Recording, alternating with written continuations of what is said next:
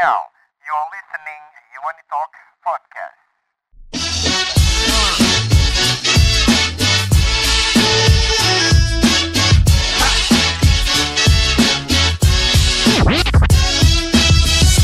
Assalamualaikum warahmatullahi wabarakatuh Halo insan muda, apa kabar? Bersama saya Egit Hapsari, kamu sedang menyaksikan People Talk Dan kali ini kita kedatangan narasumber yang spesial Bapak Eri Sudewo Halo Pak, apa kabar? Baik, alhamdulillah. Keluarga juga sehat ya, baik, Kak? Baik, semuanya insya Allah.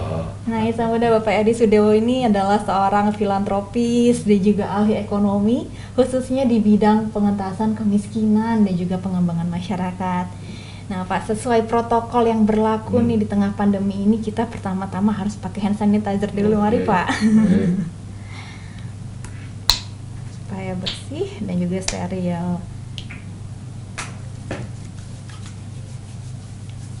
Dan supaya leluasa ngobrolnya boleh maskernya kita lepas Iya, karena kita iya. sedang berada di dalam ruangan ya Pak.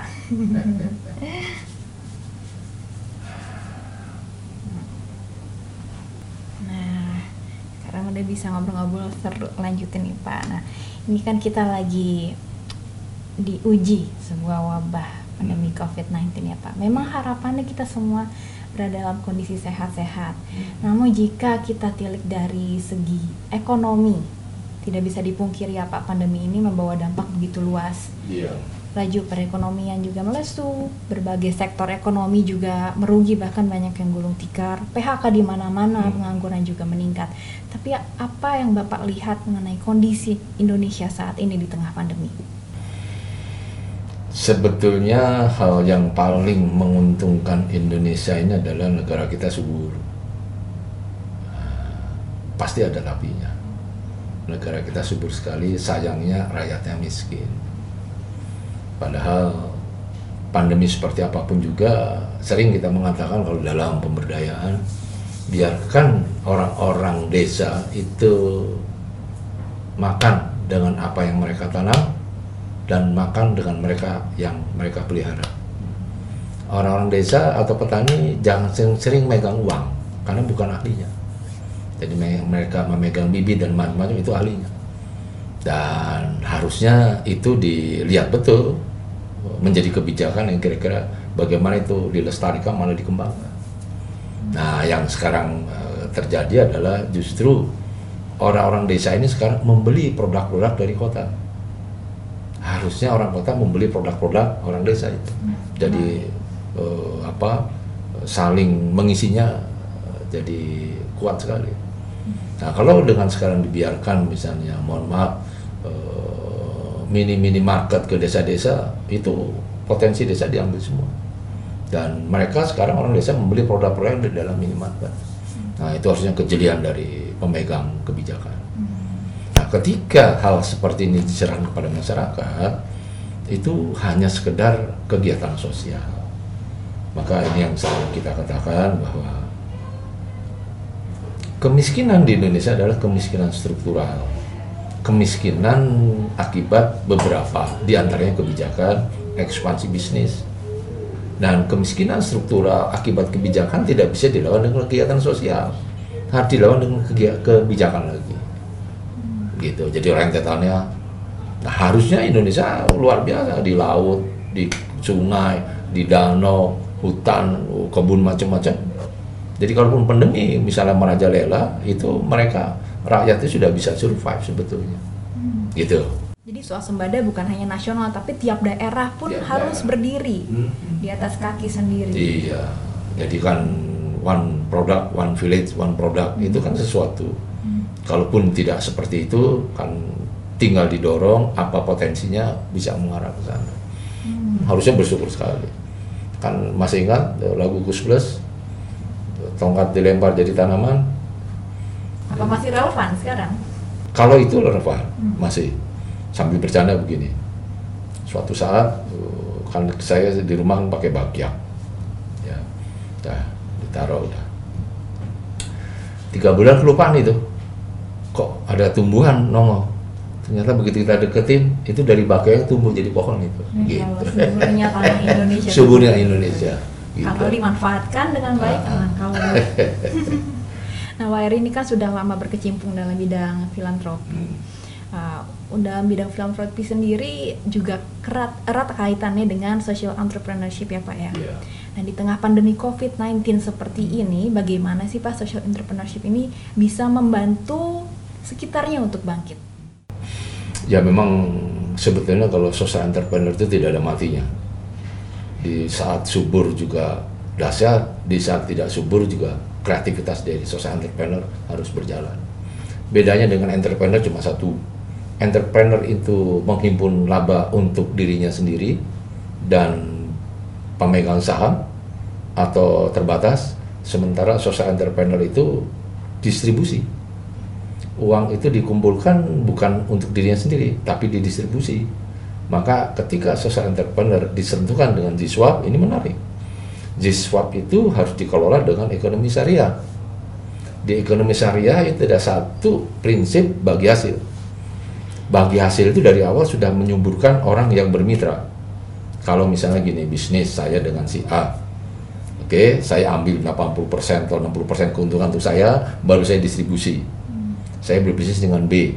Keuntungannya tidak saya ambil 60% tapi e, sama rata semuanya sehingga yang saya tarik kemudian saya salurkan itu beda dengan yang saya ambil bagi hasil. Yang bagi hasil ini utamanya adalah ada inspirasi motivasi yang tumbuh. Jadi mereka menghargai segala macam dan pada waktu itu kesempatannya untuk berkembang tinggi. Sementara kalau dengan si A uang saya ambil, kemudian saya distribusi, pada waktu mendistribusi belum tentu orang yang kita uh, beri itu motivasinya bangkit. Dan pada waktu itu belum tentu semangatnya. Dan paling penting itu kan sikon, sering kita bilang momentum. Jadi ketika kita berbisnis dengan momentum yang baik, semangat kita itu how to solve the problemnya menjadi apa kena sekali. Hmm. Tapi beda dengan kita berikan tadi. Jadi kelihatannya sepele itu. Sama-sama uang, tapi dari awal sudah kita dengan bagi hasil, memotivasi orang, yang ini saya ambil dulu, baru saya distribusi.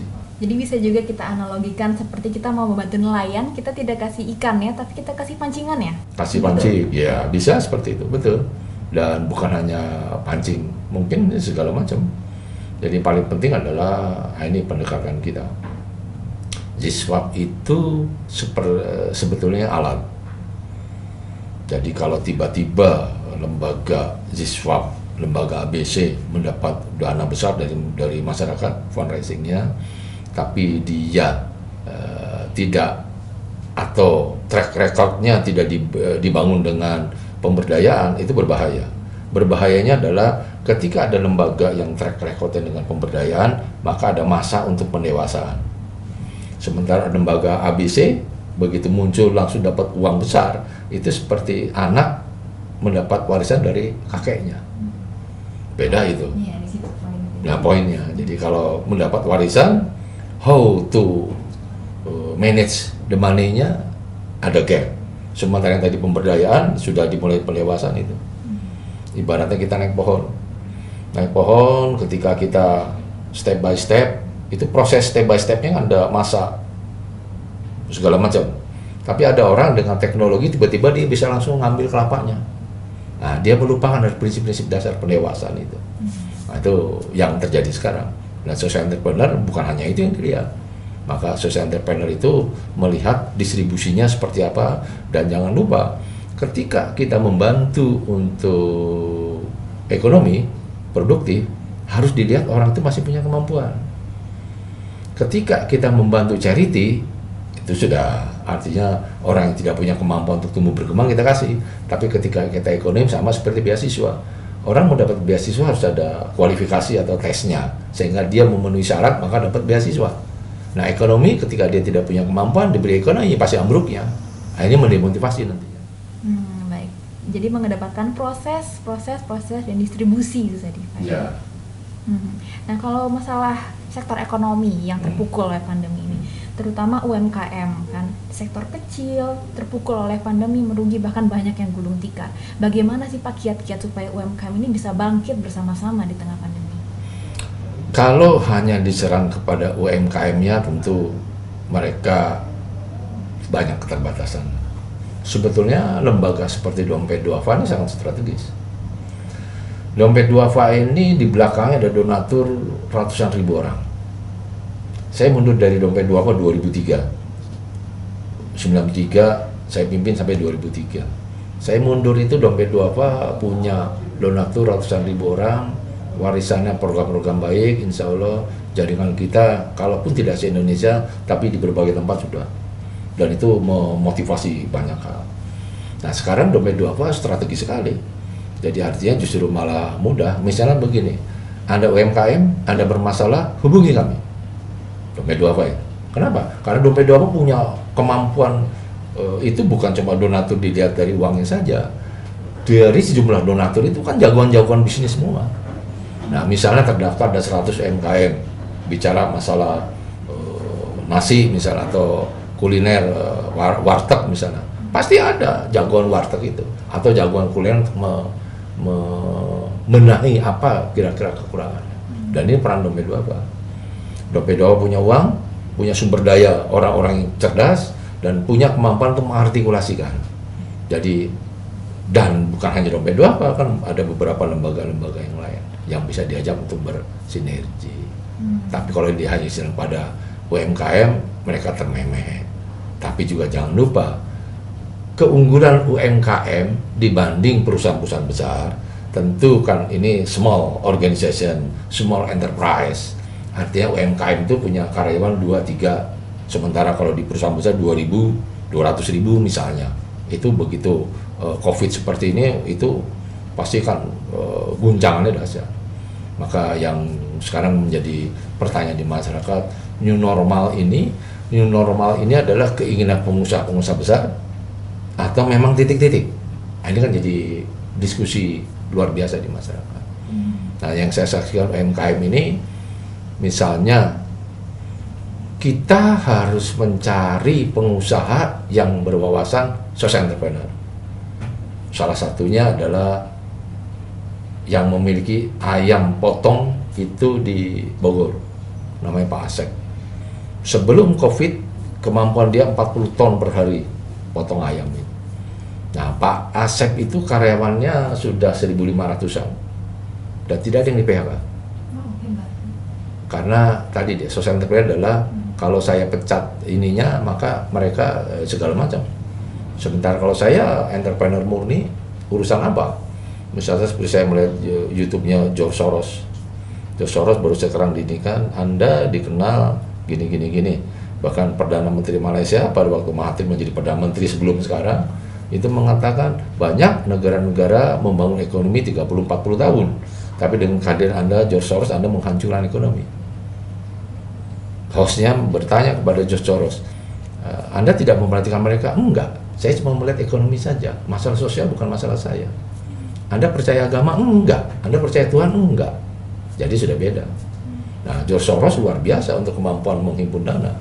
Tapi kan kalau kita kaitkan dengan Rasulullah SAW, beliau mengatakan bahwa sebaik-baik orang adalah yang punya kemaslahatan. Jadi orang bisa masuk surga tanpa harta juga bisa. Keikhlasannya, hatinya yang bersih. Tapi jangan lupa, harta itu malah bisa menahan orang untuk sulit sekali maka kalau dikatakan orang kaya dengan orang miskin jaraknya 500 tahun, coba nih kita lihat nih sekarang ruangan ini. Kalau pemeriksaan mereka nanti barang ini butuh waktu 10 menit. Kita ada berapa barang di sini? Saya punya kacamata, punya HP, kamu punya kerudung segala macam ditanya itu. Sekarang saya lagi melihat di rumah perpustakaan saya, waduh, saya tidak tahu berapa ratus berapa ribu buku. Kalau katakan seribu buku satu buku dua menit dua ribu menit itu baru bicara buku. Belum bicara yang lain maka jaraknya maka from zero not to hero. From zero to zero. Jadi orang-orang yang ahli-ahli surga itu kembali ke akhirat itu dia tidak punya apa-apa nah, ini mengaitkan dengan agama ya supaya orang-orang entrepreneur ini bisa juga terinspirasi Contoh yang paling menarik adalah di supermarket. Ada orang miskin masuk supermarket menghibur anaknya. Nah, kita masuk supermarket cuma ngeliat-ngeliat aja. Oke, ada orang membawa dua troli, lima troli, sepuluh troli. Yang orang miskin keluar, pemeriksaan lama nggak? Nah, sekilas saja dia. Yang dua troli, butuh waktu setengah jam. Yang 5 troli, 10 troli tentu lebih panjang lagi. Apalagi ketika di dalam supermarket dia mencuri. Oh, itu lebih lama. Ah, itu seperti itu pada masyarakat. Maka ketika orang beramal bagus, kemudian dia kembali kepada sang halik dan dia tidak membawa harta, istilahnya kalau bawa harta pun sedikit, maka Umar bin Abdul Aziz misalnya, sebelum dia menjadi khalifah, kekayaannya 40 ribu atau 400 ribu dinar, lupa saya. Katakan 40 ribu dinar. Satu dinar 4, eh, seperempat gram emas 22-23 karat. Saya tidak tahu emas sekarang harganya berapa. Katanya satu gram 801 juta, saya nggak tahu. Tinggal kita kalikan. Begitu Umar bin Abdul Aziz wafat, dia cuma meninggalkan 4 atau 40 dinar saja. Nah, itu kan mudah. Kalau 400 ribu dinar, Nah sekarang orang menghimpun dana besar-besar untuk dirinya sendiri, sementara kalau social entrepreneur pikirannya adalah menghimpun dana untuk didistribusi, untuk menghidup-hidupkan. Nah untuk dirinya sendiri kalau dia di sana ikut saja makan misalnya, tidak untuk mencari kekayaan sudah lebih dari cukup. Nah pertanyaannya tinggal mampu nggak para entrepreneur menjadi seorang entrepreneur? Saya ingin jadi Pak Wahyu Saidi, Mbak Milanggara. Pak Heri itu tidak akan mungkin jadi pebisnis sukses. Kenapa? Dia tidak serakah. Sukses dalam artian apa dulu nih ya? jadi untuk bisnis ibu dana ya, kalau sukses. Karena dia tidak serakah katanya. Oh, pada Pak Wahyu Saidi mengatakan saya doktor ITB yang bakmi Langgara. Seperti itu. Jadi beda sekali. Ketika Anda ingin menjadi entrepreneur konvensional, Anda harus serakah tapi ketika Anda yang menjadi seorang entrepreneur, Anda tidak serakah mendistribusi. Apalagi kalau dilandasi dengan iman. Maka berbisnis dengan manusia beda dengan berbisnis dengan Allah. Berbisnis dengan manusia jam 8 masuk, jam 5 pulang. Berbisnis dengan Allah mau tidur sampai tidur lagi semuanya sudah bisnis dengan Allah. Ketika berbisnis dengan manusia, majikannya manusia. Berbisnis dengan Allah, majikannya Allah Allah mengatakan di dalam Al-Quran, apakah Anda ingin berbisnis yang menguntungkan? Iman. Melakukan amal-amal kebaikan. Jadi semuanya, nah itu bisnis dengan Allah. Nah kalau seandainya para UMKM pun punya pikiran seperti ini kemaslahatannya, maka kita menekankan kalau di dalam pemberdayaan bahwa ketika uang disalurkan kepada Anda, kira-kira berapa banyak Anda bisa merekrut orang untuk ikut kerja. Dan orang bawah itu sebelum mendapat atau berhubungan dengan para entrepreneur yang luar biasa kayanya, itu mereka punya apa, keber, apa kesamaan senasib toleransi tinggi. Misalnya pada waktu krisis moneter 98 di kampung ada sebagian orang kita pekerjakan di lumbung desa. Ya. Besok dia nggak masuk. Digantikan orang. Kenapa? Dia bilang pak saya tidak enak pak. Orang tetangga saya nggak kerja saya bekerja. Maka hari ini saya kerja besok dia kerja coba. Itu nggak usah diajar orang bawah. Toleransi mereka sudah seperti itu. Kita itu kan jadi memberikan pelajaran kepada kita bahwa oh, pengusaha-pengusaha itu memang kalau sukses ya tadi kalau bisa diimbat ya diimbat. Pada Rasulullah SAW mengatakan jangan tahan kelebihan air karena akan mematikan tanaman yang lain.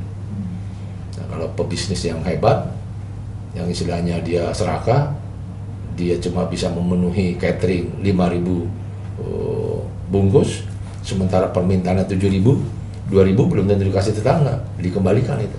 Kenapa? Dia tidak mau dipesaing ya hmm, luar biasa ya pak jadi dampak dari social hmm. entrepreneurship ini bisa membangkitkan kita semua dari keterpurukan akibat pandemi ini ya iya ya. hmm. Baik, makasih Pak Eri Sudewo atas ngobrol-ngobrol yang sangat menarik dan juga inspiratif sekali betapa social entrepreneurship ini berdampak dan juga bisa mencakup duniawi dan juga akhirat ya Pak habluminallah habluminanas ya juga dapat karena kita bangkit bersama. Nah, uh, buat kalian juga para insan muda, kalian juga bisa ikut melengkapi kebaikan bersama Dompet Tua Ava. Walaupun cukup dari rumah aja, kalian bisa ikut berdonasi dengan cara men-scan QR code yang ada di layar kalian atau mengecek deskripsi dan di situ ada nomor rekening yang bisa kamu donasikan cukup dari rumah aja. Nah insan muda akhirnya sampai sudah kita di ujung pertemuan kita kali ini. Mungkin Pak Eri ada yang ingin disampaikan pada insan muda yang menyaksikan kita? Jadi yang menarik adalah posisi pengusaha. pengusaha itu posisi sangat strategis. Dia bisa menciptakan lapangan kerja dan bisa memberikan kehidupan bagi masyarakat lain. Dan ketika sayangnya nah, pengusaha ini hanya berpikir untuk dirinya sendiri, posisi strategis itu hilang. Dan ini yang anak-anak muda, anak-anak saya lah usianya, ini sekarang dimudahkan oleh teknologi yang luar biasa. Jadi kalau di zaman saya dulu dengan bukan teknologi seperti ini dari satu desa ke desa yang lain itu sudah butuh effort luar biasa.